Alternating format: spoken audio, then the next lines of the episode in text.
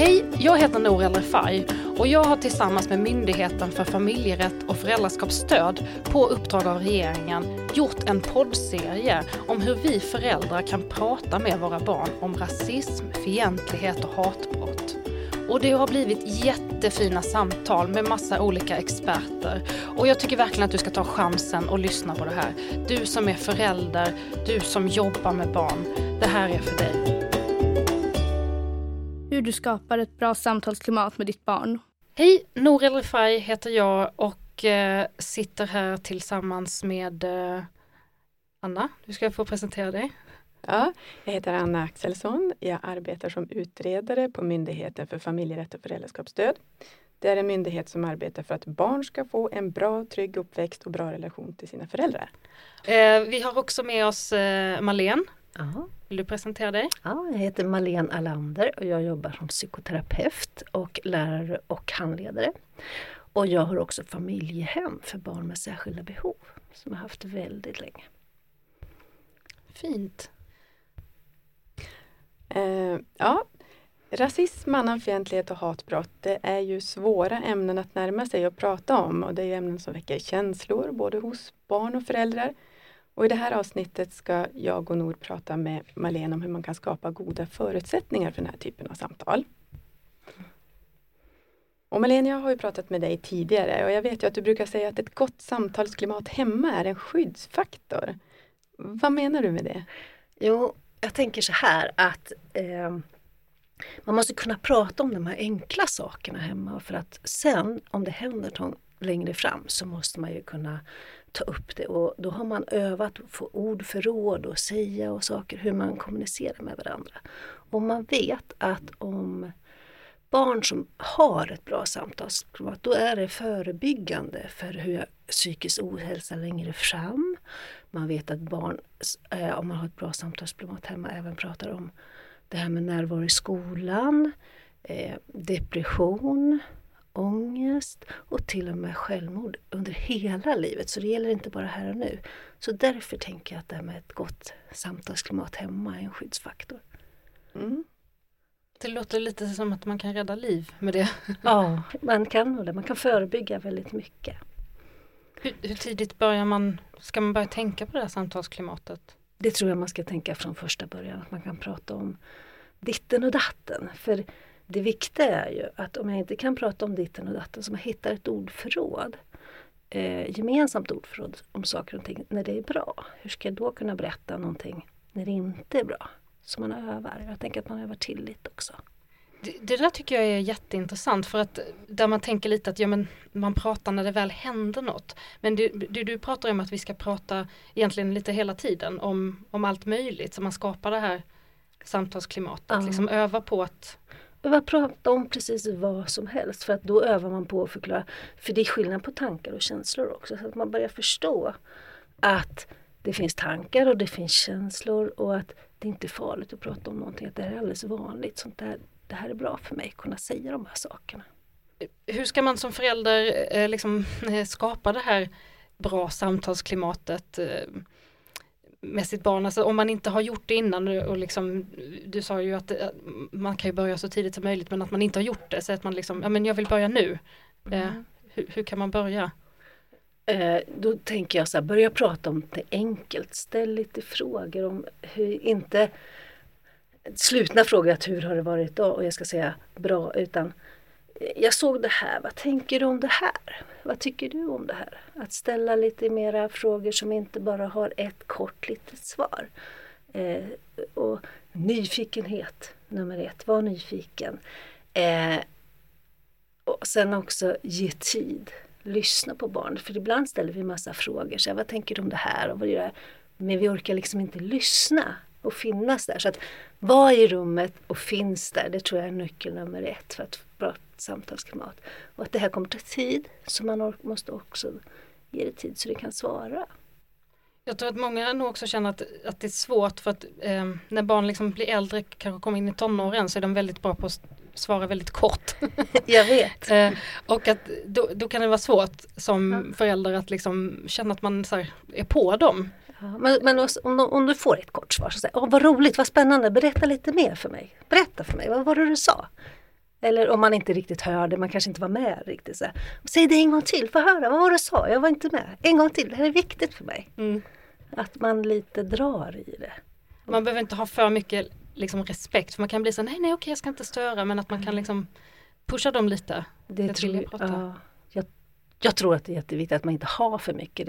Man ska ha respekt, absolut man ska ha respekt. Man man måste känna att det, att träffa tonåringar är lite som att träffa en liten, Tänkte att du träffade en liten ödla. Hur ska jag tämja min lilla ödla? Är den på bra humör? Ja, då kan man göra mycket mer. Är, känner man att idag är inte den här dagen här, då ska man backa och ge det lite respekt. Men, men när väl barnet kommer, så var där, finns, lyssna, förklara och fråga efter fler svar. Fråga efter fler frågor. Inte så att du som förälder ska veta allting utan du behöver ställa frågorna, hur tänker du?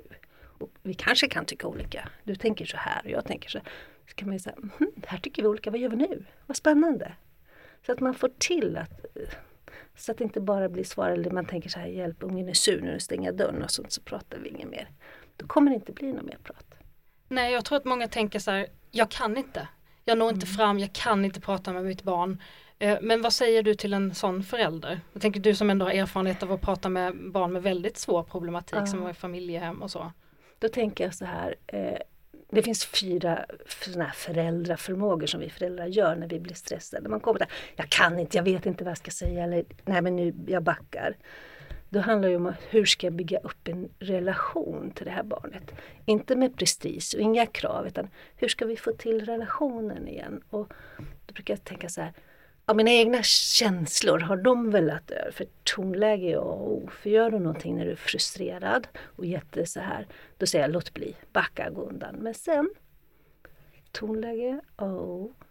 Kom fram, så lite små frön. Gör lite roligt. Erbjud något annat, till exempel att du, du behöver på träningen, ska köra dig? Eh, eller skicka någon rolig GIF eller sånt där. Men ta då inte upp att sen när det börjar, barnet börjar närma sig lite dig igen. Ta då inte upp det där att du förra gången eller så här, för, för då har du strypt det på en gång. Utan det måste vara några bra gånger som är helt kravlösa. Som man bara är och hänger eller gör något roligt. Så att man vet att bara för att jag kommer fram till mina föräldrar eller till mina vuxna så betyder det inte att jag ska få en stor diskussion om det här som jag inte ville prata om.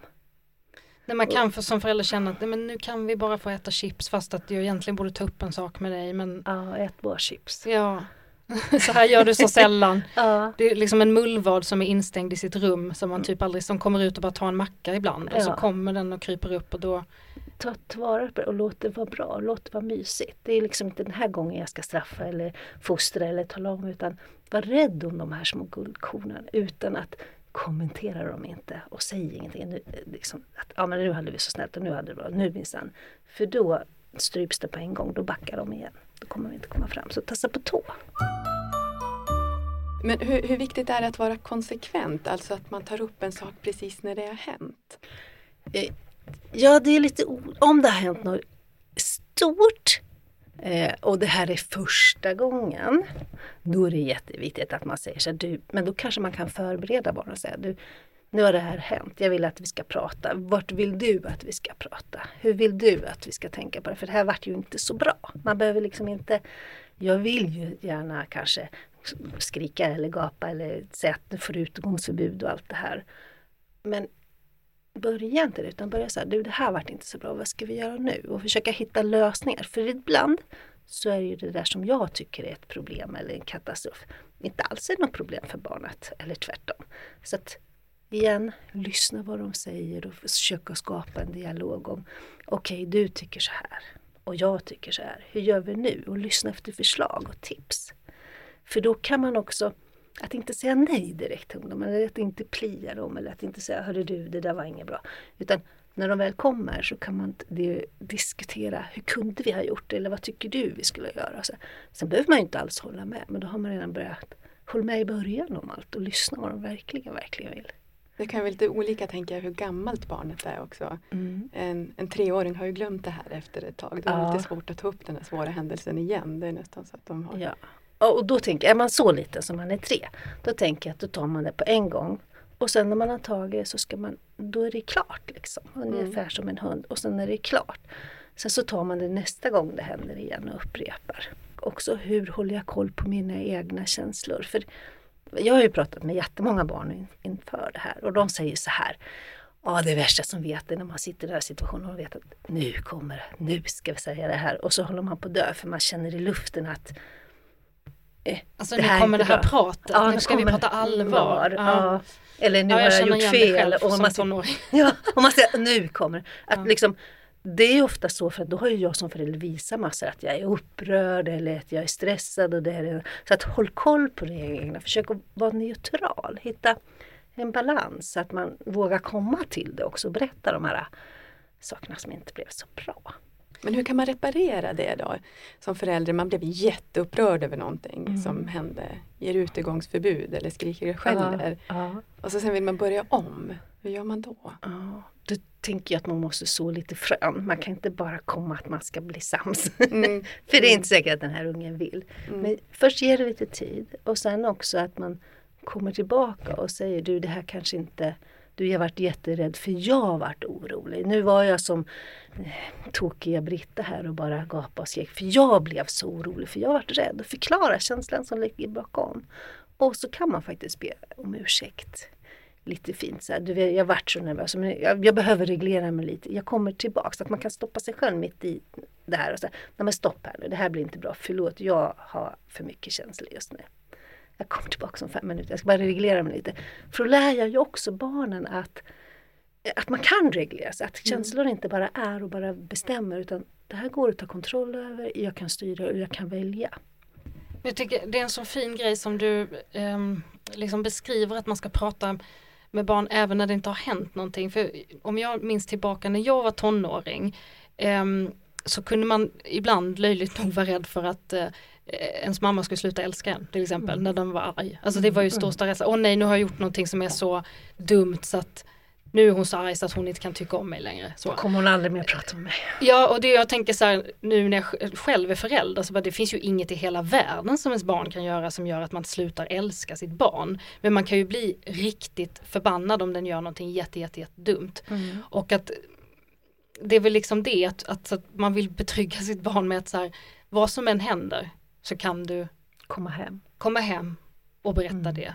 Mm. Jag vet precis vad du pratar om. För det här är en av grejerna som jag, när jag frågar andra ungdomar när jag skulle åka hit. Vad ska jag prata om? Så här. Och då säger så här, det värsta jag vet det är när de pratar bebisspråk. När de pratar om något, eller tuttinutti. Möt som jämlika. Hur skulle du prata med din kompis? Hur ska jag säga till mig om du var ledsen? Eller hur skulle du säga till mig? Liksom, försök att möta som jämlika. Precis som man visar med kroppen om jag bryr mig så syns det med hela din kropp, armar, ögon och alltihopa. Och försöker du bara kontrollera dig och vara lite så här, nu ska jag inte visa någonting för det ska vara helt neutralt. blir det också jättekonstigt, du kommer inte ungarna säga ett dugg. För vi har ju spegelneuron och vi speglar ju varandra. Så att någonting visar om du kommer prata med dig eller inte. Och då måste du vara ganska naket och naivt öppet och vara beredd på att jag kan säga, vad du kan säga till mig vad som helst. Jag kommer inte bli orolig. Jag kommer, jag orolig kanske jag blir. Men jag kommer inte reagera och agera. Utan vi pratar om det. Blir jag orolig så kommer jag berätta det för dig. Då måste jag fråga fler frågor bara. Så får du berätta mer. Men om, säg att ens barn kommer hem som mm. är tidigt tonår liksom och säger att eh, den har blivit kallad för eh, jävla n-ordet liksom i skolan mm. av en klasskompis och jag bara föreställer mig att det här skulle hända mitt Alltså jag, då skulle jag ha svårt att inte reagera instinktivt och bara vad i helvete liksom. Att, och bli väldigt väldigt upprörd och arg på det alltså barnet. Att det är så svårt att liksom Ja så säger du det. Alltså, Nej jag säger så här Är det dig de sa det till? Ja det känns väl lite så. Ens barn är voodoo-dockor. Liksom, ja, att det är så här... Utan nummer ett, var det till dig de sa det till? Nej stopp här nu, det handlar inte om din känsla, det handlar inte om min känsla nu. Utan ditt barn som säger det till dig, som mamma idag sa de jäkla hmm, hmm, hmm, och säger, men oj, säger du då förstås. Och så säger hur blev det för dig? Fråga hur det blev, för vi vet ju inte. Vad kände du då? Vad gjorde du då? Så man får en dialog. Jag kan tänka mig att du vart ledsen eller vart du arg. Hur blev det? Jag vet inte vad som är rätt och fel. Så bara inte bestäm hur det var utan våga fråga nyfiket, öppet, helt naivt. Jag ska fråga något helt annat, tänker jag. Mamma, lova att inte bli arg nu. Lovar du? Ja, men om man nu som förälder känner att nej men alltså, jag, jag klarar inte det här, jag behöver hjälp. Vart ska man vända sig någonstans då? Mm, då tänker jag att det är jätteviktigt att man vänder sig. Eh, och först så kan man faktiskt gå till skolan och prata med skolkuratorn. Eh, är det ett litet barn på BVC så hjälper de att guida vidare. Och sen har vårdcentralerna och BUP och det är att man söker dit man hör. Liksom hör hemma och det är lite olika var i landet man bor på men det finns alltid hjälp att få. Och då tänker jag att man kan söka via 1177. Mm. Så ser man vart, om jag bor i Dalarna eller om jag bor i Umeå eller var jag bor så kommer du rätt. Mm. Malena, jag tänker att ett barn kanske ibland visar en känsla men har en annan känsla inuti. Till exempel att barnet skriker och det är argt och stänger dörren och, och stänger ut den. Men i själva verket så är den ledsen vilket kan göra så att man som förälder reagerar på det sättet som barnet kanske inte just då behöver. Man, kan inte, man läser inte sitt barn rätt. Mm. Hur ska jag veta vilken känsla som är rätt?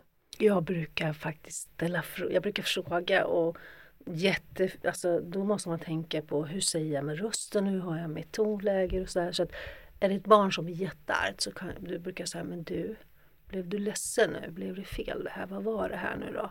Eller har jag fel? Är du jättearg? Snälla förklara för mig så jag mm. förstår lite bättre.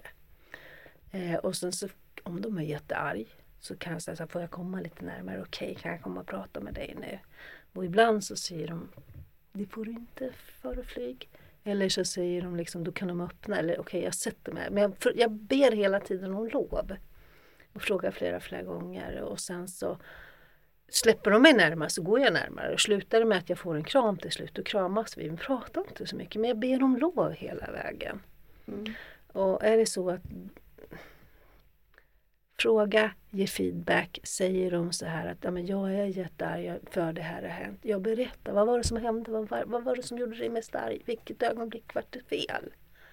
Förklara Luska lite grann, ja. vilken känsla och vilket uttryck hör ihop. Och... Ja, och, och fråga, fråga och sen så att ställa två frågor mot varandra. Blir du ledsen nu eller blev du arg? För jag tror att du varit ledsen.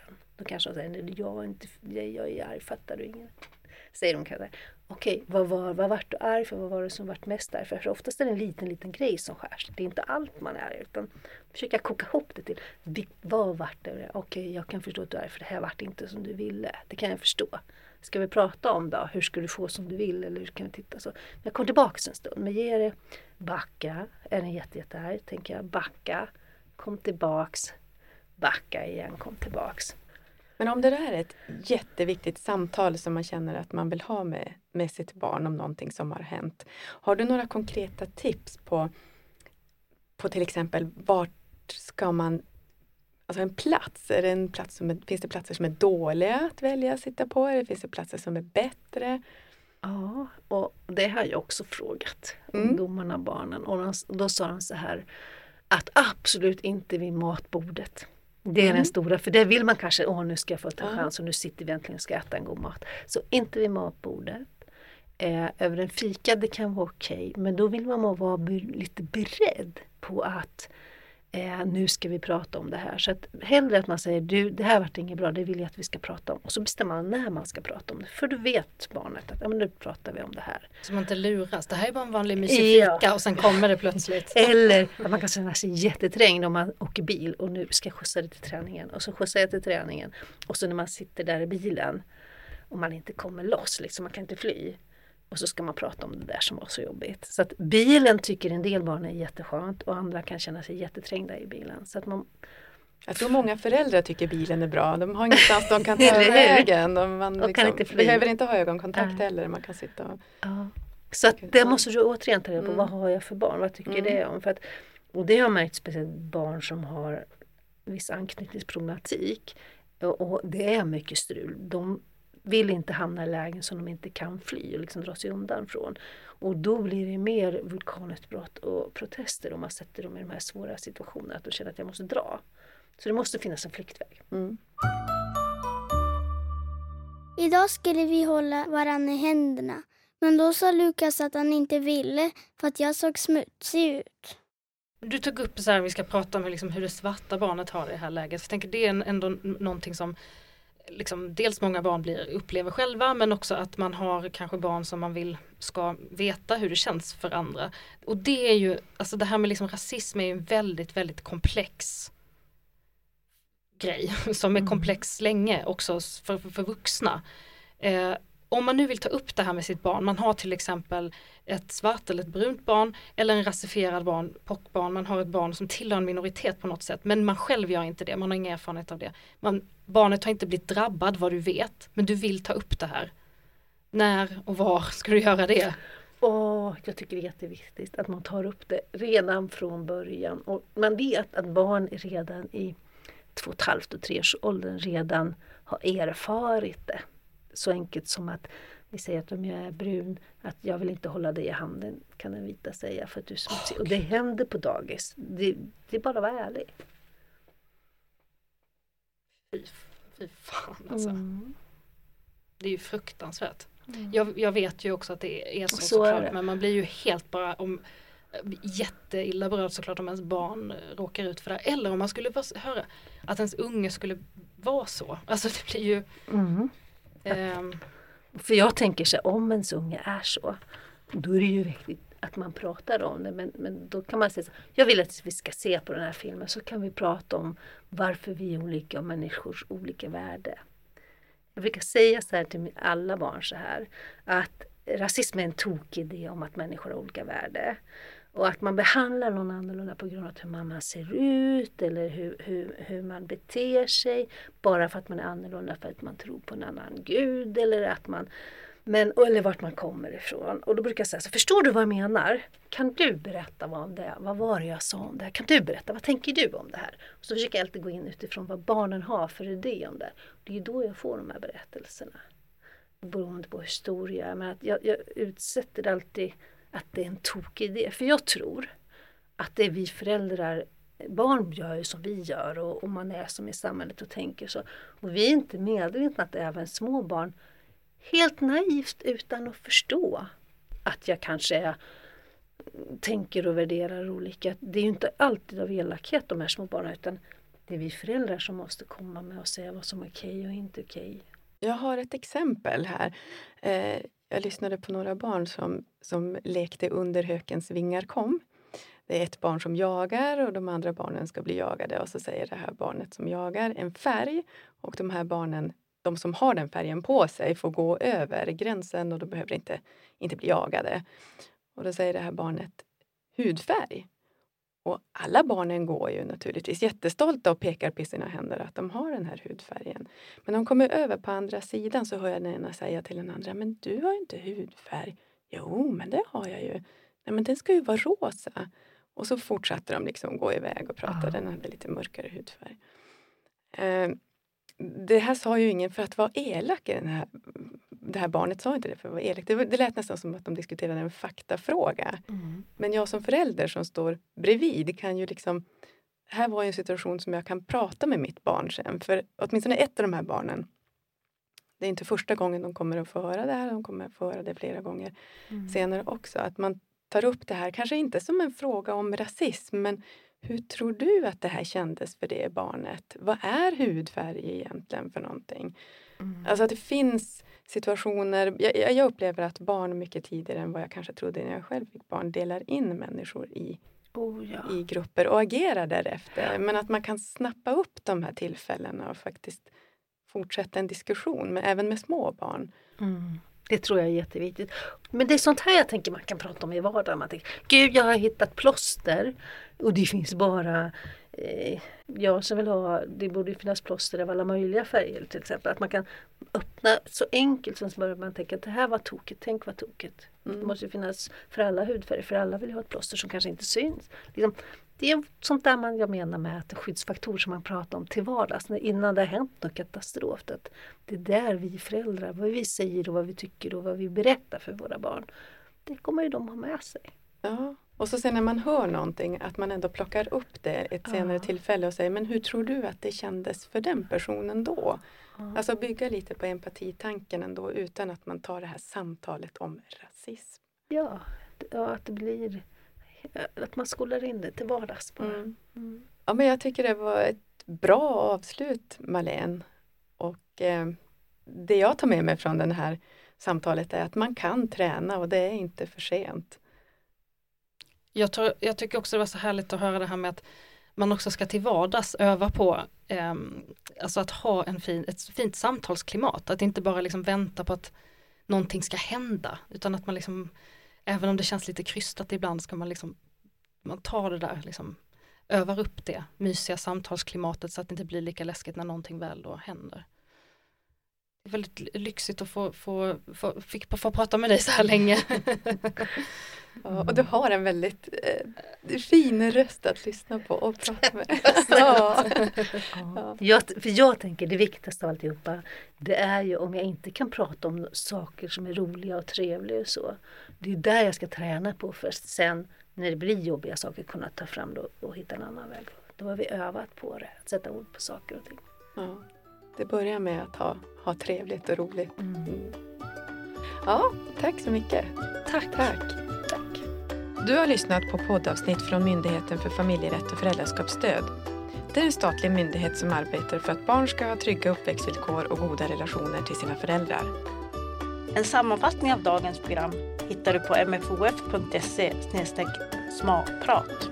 Där hittar du också material som hjälper dig som förälder att vara beredd att prata om rasism, hatbrott och fientlighet. På mfof.se smalprat hittar du också alla andra avsnitt i den här serien.